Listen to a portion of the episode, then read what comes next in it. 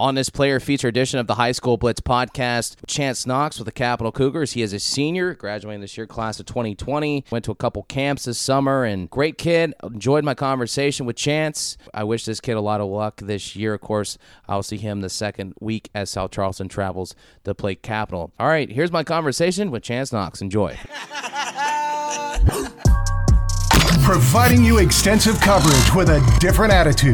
Not your boring, everyday, run of the mill high school sports show. This, This. is the High School Blitz. How you doing, man? Good. Uh, just got just got down to the field. Uh, finished first day. You know, so uh, everything's good. Just um, getting getting in the the swing of everything and getting rolling. First day back to school. You're a senior now. That's kind of cool. I remember my senior days back there at Capital, uh, class of 2004. So I'm an old man. But uh, how was uh, how was walking on campus, seeing friends, and, and enjoying that first day? It was good. Just like you said, seeing friends you kind of didn't get to see during the summer, whether you were busy or they were busy. So uh, it was good being able to see them, and then just getting in the mix with everything again uh, as far as classes go.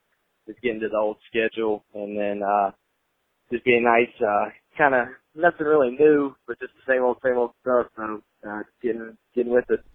Least favorite class this year and favorite class this year. What are you What are you looking at? What are you studying? I'd probably say my favorite, um, probably be my civics class because I like history the best. Yeah. And then uh, least probably calculus because you know we're getting into this hard math stuff. So and I ain't a real big, I ain't a real big math person when, when it gets to this stuff.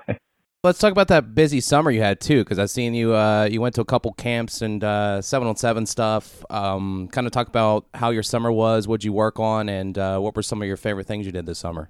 Oh yeah, uh, got we started. Uh, it started early, um, right when school let out. Um, well, even before that, I went to uh, Rivals um, three stripe Adidas camp um, in DC, and then the Nike opening in Charlotte. So it started even before the summer. But uh, right when school let out, um, I started going to to camps uh, just across the states and stuff like that. Uh, I think I started at Kent State in Ohio, and just and just went on from there. Um, but you know, learned a lot of stuff. You know, everybody's got different ways of teaching, um, especially at the receiver level. Um, but just being able to learn different routes, different releases, ways to catch from different quarterbacks, and uh, just the thing I love the most is being able to go and compete against guys uh, from other states that you know are the top guys in their state. So it's uh, it's a good learning experience. What uh, what do you feel like going into this year and, mostly through the summer? What were you working on most? Was it your footwork? Was it how you your twitch? Was it coming out of your route? Was it you know was it your explosiveness or was it just simply your hands reading the quarterback? What was uh what was kind of what you were ultimately trying to work on in those camps? Yeah. Uh, a lot of twitch stuff, um, being able to get out of breaks, um, and separate myself, uh, whether that was the first break or second break from the defender and just getting a lot of separation and then just coming down with the ball no matter what, uh, where the quarterback placed it, you know, just catching that ball and, uh, getting the completion. Well, uh, going into this year, had your boy on, uh, Caron Martin. Uh, did a little feature with him on the show too, and um, he's he's pretty pumped for this year.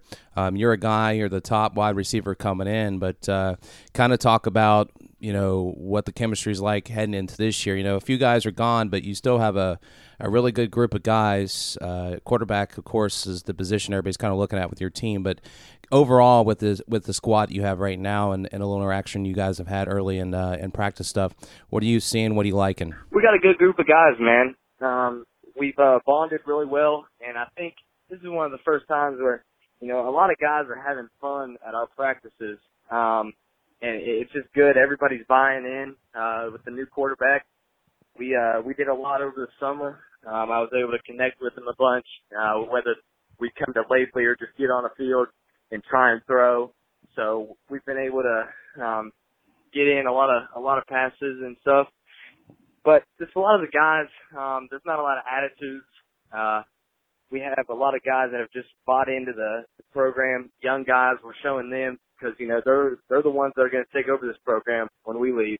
So it's uh it's important to install that in them early, and I think we're just doing a good job with that and getting everybody rolling. So Talk about going into this year as the number one guy. I know Rick Ryan, my guy over there, Gazette Mail, did a nice little feature on you, but you are the guy. I mean, you've been building towards this, and I'm probably one of the very few that you know pay attention there to you. Ultimately, uh, you know, I've paid attention throughout the time you played at Capital. I know what you're you're capable of, but now everybody's sort of just turning their attention completely over to you and looking for you as the go-to guy.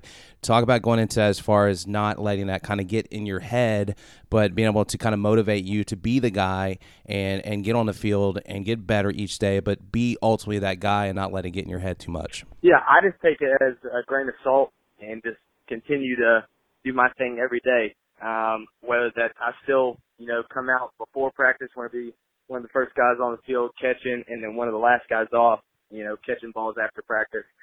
Um, you know, I want to be that guy. Like you said, if, if you know I'm the number one guy, I just want our quarterback and you know coaches to know that I'm going to be that guy to get the first down and make that catch to help us in any way, or if I need, you know, get get a score for us late in the game. Uh, just being that that number one guy, but never letting it, you know, get to my head as far as you know, not working hard because I'm going to come out every day and help this team so we can achieve whatever that is and, you know, win every day. Ultimately, what are you looking to accomplish? You know, as a team, you obviously the first goal is to win a state championship. But what for you? What are you looking as? And I know this. Uh, I've asked this before, and kids and coaches say, "Well, it's not about in, individual." But I'm asking you, individually, what are you looking to improve on yourself in your senior year? What are you looking to accomplish before you get to that next level? Um, just like you said, winning the state championship. But uh, I think, you know, individually, uh, just helping my team any way they need me, uh, so that we can win football games. Because I think that's the most important thing. And just taking one game at a time, and we'll put the state championship, you know, where it's at right now and attacking every week so that we get the best opportunity and chance to win a ball game on Friday night. Good answer, my friend. Tell your dad I said, What's up? Old Tater over there. Tell him I said, Hey, and uh, I'll actually see you guys the second week of the year. I'm going to come there with South Charleston as part of their broadcast team. So I'll see you there. I'll come down on the field and I'll holler at you, my friend. Sounds good. I appreciate you. Wonderful conversation with Chance Knox, senior wide receiver there with Capital. Again, wish that young man luck. He's going to be successful, I'm sure of it, this year. So look out for that kid there with the Capital Cougars.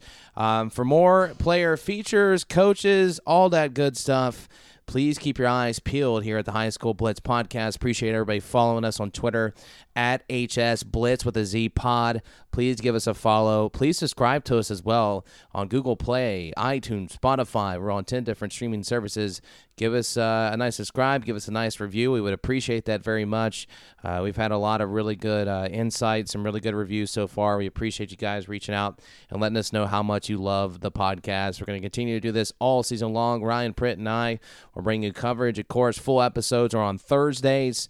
We uh, release those around 7 o'clock on Thursday evenings to get you ready for Friday Night Lights. This week's full episode is going to be about week one, top matchups, top games. Again, you can you can text your matchups you want us to discuss 304 405 6301 or any topic for that matter you want Ryan and I discuss here on the podcast. Thank you for listening.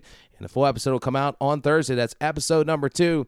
Really excited. We're going to have Huntington coach Billy Seals as well as Sam Blizzard, broadcaster who covers Moorefield, East Hardy, Pendleton County, and Petersburg. So excited to have Sam Blizzard on the program as well. Thank you for listening. And until next time, this is the High School Blitz podcast.